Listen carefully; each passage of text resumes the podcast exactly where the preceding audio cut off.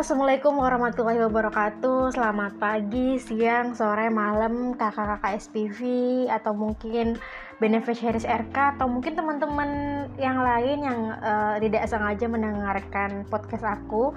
Sebenarnya sih sebenarnya nggak niatan banget buat bikin podcast ya, karena kan emang ini tuntutan uh, berkas-berkas yang harus kita penuhi untuk ngelewatin eval cuman menurut aku daripada aku nulis dan ngetik panjang ya nggak apa-apa sih sebenarnya. Cuman hari ini aku lagi pengen banget nih cerita aja gitu pengen ngomong. Karena kan uh, kata penelitian itu berapa wanita tuh dia perharinya akan menghabiskan berpuluh-puluh ribu kata nah menurut aku hari ini aku masih kurang banyak nih kata-kata yang keluar gitu. Jadi aku pengen banget bercerita ke teman-teman semua terkait uh, refleksi diri aku sebagai berkas evaluasi rumah kepemimpinan di semester 2 ini.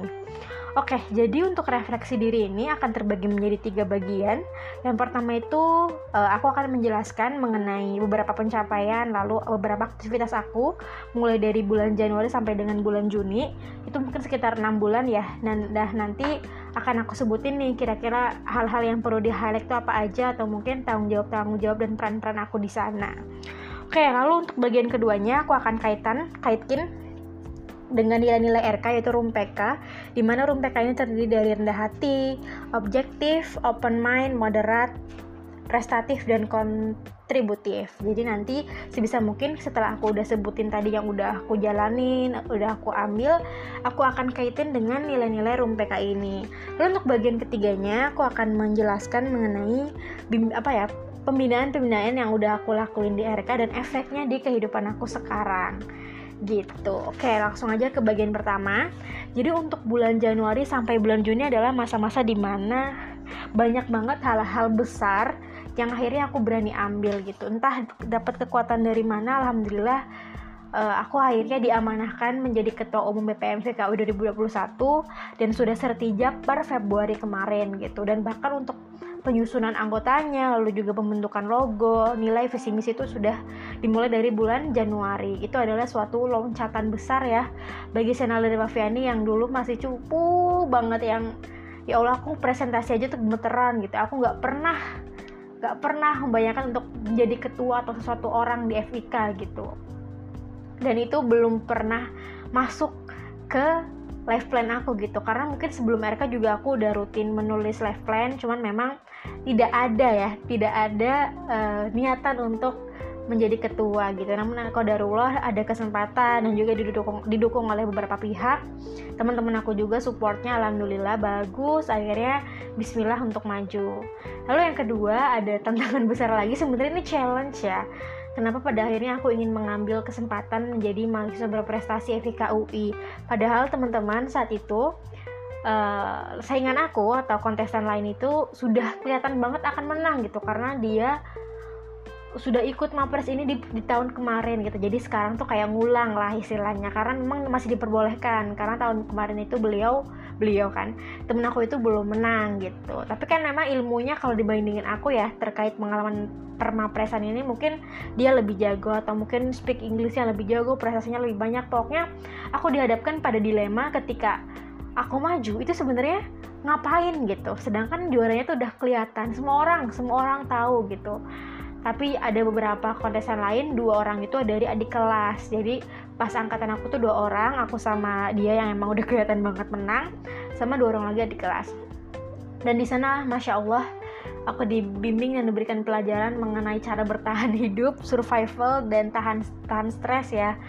Karena ya cukup berat lah bagi aku perjalanan proses sama proses itu gitu. Dan alhamdulillah aku mendapat banyak pelajaran mendapat banyak hadiah juga ya. Alhamdulillah rezeki Allah datang dari mana aja dan ya tadi ya aku juga apa namanya bisa belajar tentang self love mencintai diri sendiri arti kata cukup terus juga belajar untuk mengal me, apa namanya me, membuat diri ini merasa oke okay, nggak apa-apa. Gitu. Tapi teman-teman agak liar karena emang udah malam ya jadi otak aku agak error. Nggak apa-apa lanjutin. Oke terus hal besar ketiga lainnya menurut aku adalah aku mengambil kesempatan untuk tiga setengah tahun. Jujur ini adalah hal di luar ekspektasi aku juga.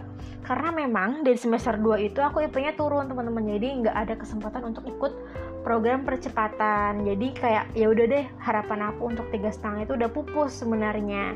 Cuman alhamdulillahnya kodarullah sekali dosen aku ada yang menawarkan gitu. Karena memang menilai, melihat masih banyak slot SKS aku di semester ini di semester 6 akhirnya bismillah juga ya semuanya semuanya adalah hal-hal yang menurut aku sangat besar gitu ya sangat sulit untuk diselesaikan dan aku Bismillah lagi semoga bisa akhirnya aku ambil kesempatan itu. Dan alhamdulillahnya per 6 Juli kemarin sudah sempro. Jadi preskripsian adalah proses di mana bukan siapa yang cepat ya cepat menyelesaikan di awal tapi siapa yang bertahan sampai akhir. Karena memang prosesnya cukup panjang menguras waktu menguras emosi energi ya.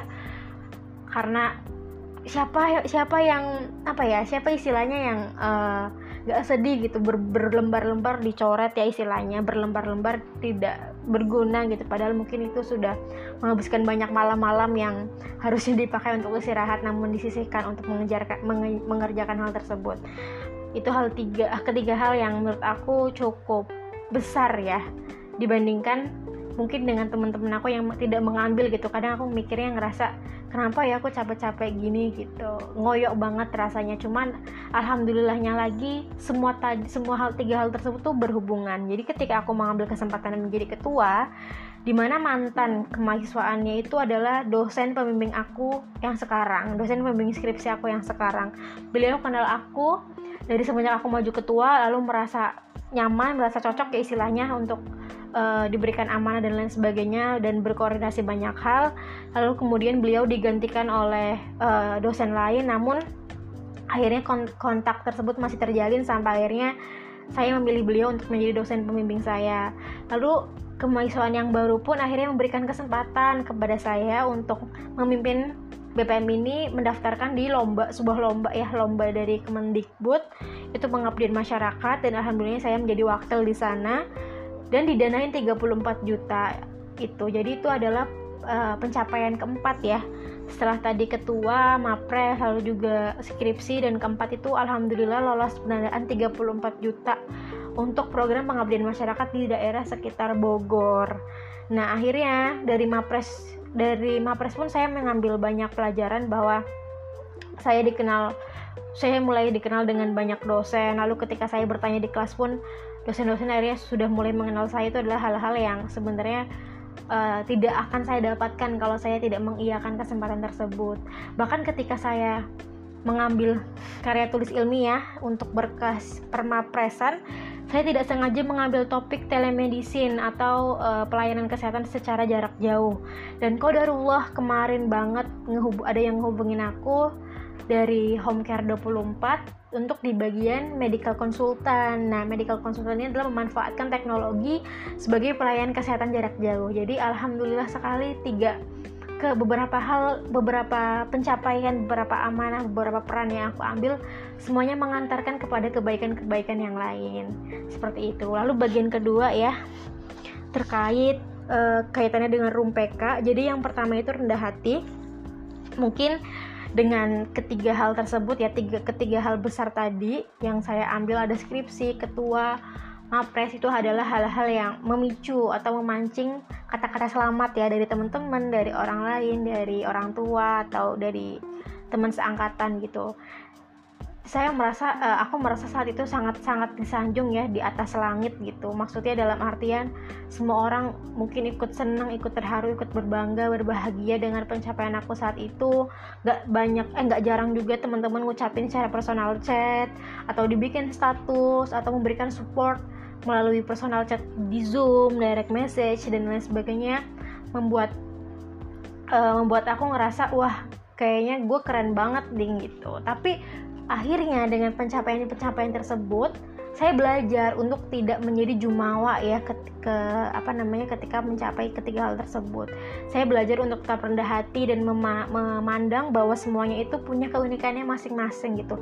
Mungkin memang tiga mungkin memang aku uh, saat ini diberi kesempatan untuk mengambil atau memperoleh tiga pencapaian tersebut namun teman-teman aku yang lain aku ngerasa dia punya keunikan yang lain gitu ada yang uh, maju lomba di Makassar. Sedangkan saat itu uh, aku tidak menang. Lalu ada juga pencapaian-pencapaian lain yang tidak bisa aku capai. Jadi aku merasa bahwa aku tidak berada pada posisi di atas mereka gitu. Kita sama saja kita sama-sama sedang berproses dan bertumbuh tapi jalannya saja yang berbeda gitu. Jadi menurut saya rendah hati ini sudah saya terapkan untuk tidak merasa jumawa atau sombong ketika mencapai suatu pencapaian.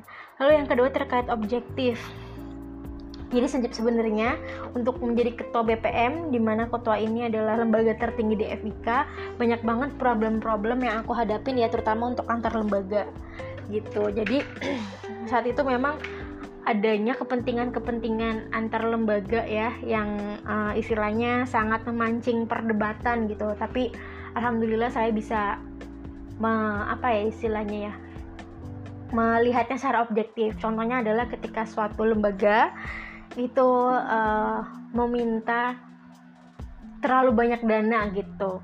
Sedangkan untuk yang mengatur dana itu kan BPM ya dan satu dipimpin oleh saya sendiri. Jadi saya merasa kalau saya egois atau kalau saya berpikiran sempit saat itu saya mungkin tidak akan meloloskan dana yang diminta karena memang besar gitu.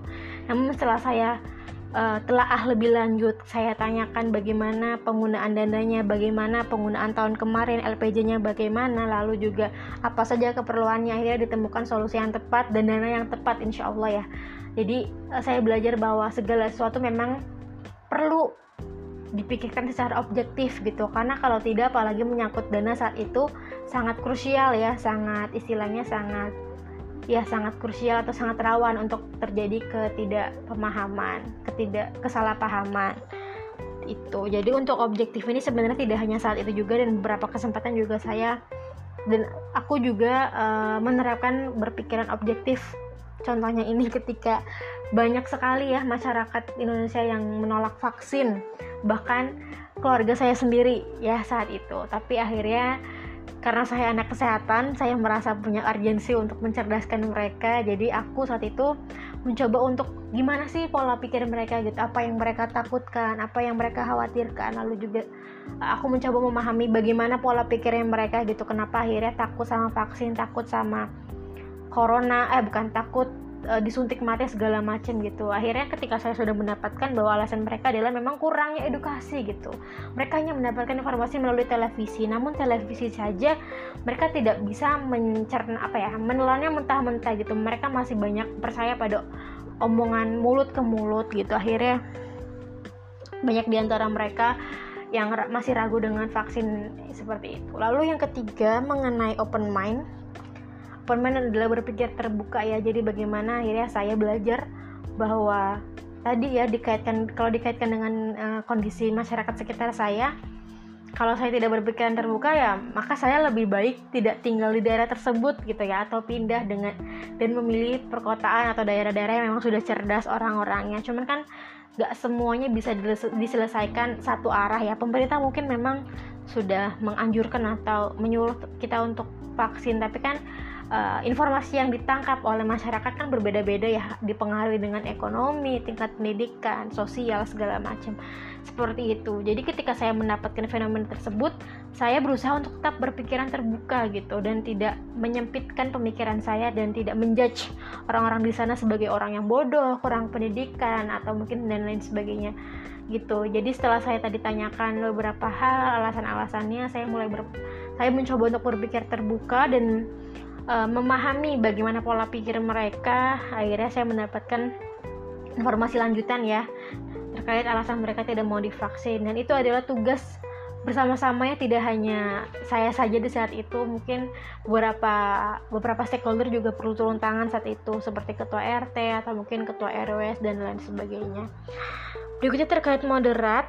Moderat adalah berpikir berarah ke tengah ya. Jadi ketika ada dua, ada dua pertikaian maka sebagai sebisa mungkin mencari jalan tengah dan berpikir uh, win-win solution gitu. Sebenarnya ini adalah hal yang sangat sudah saya sangat terapkan ketika penyusunan anggaran kemarin. Bagaimana semua lembaga ingin memenangkan ya memenangkan uh, kepentingan organisasinya masing-masing dan hanya ingin lebih banyak dan lain sebagainya. Akhirnya saya belajar untuk uh, tadi ya mencoba untuk menelaah satu persatu kebutuhan mereka bagaimana harusnya kebutuhan tersebut diserap atau tidak lalu penggunaannya bagaimana tahun kemarin sampai akhirnya ditemukanlah solusi dan alhamdulillah semuanya sepakat itu. Jadi jadi saya belajar bahwa menjadi pemimpin bukan sekedar memimpin banyak kepala ya tapi bagaimana akhirnya bisa memecahkan solusi memberikan memecahkan masalah dan menemukan solusi bersama lalu berikutnya terkait prestatif jujur untuk semester ini bulan Juni bulan Januari sampai bulan Juni merupakan bulan-bulan yang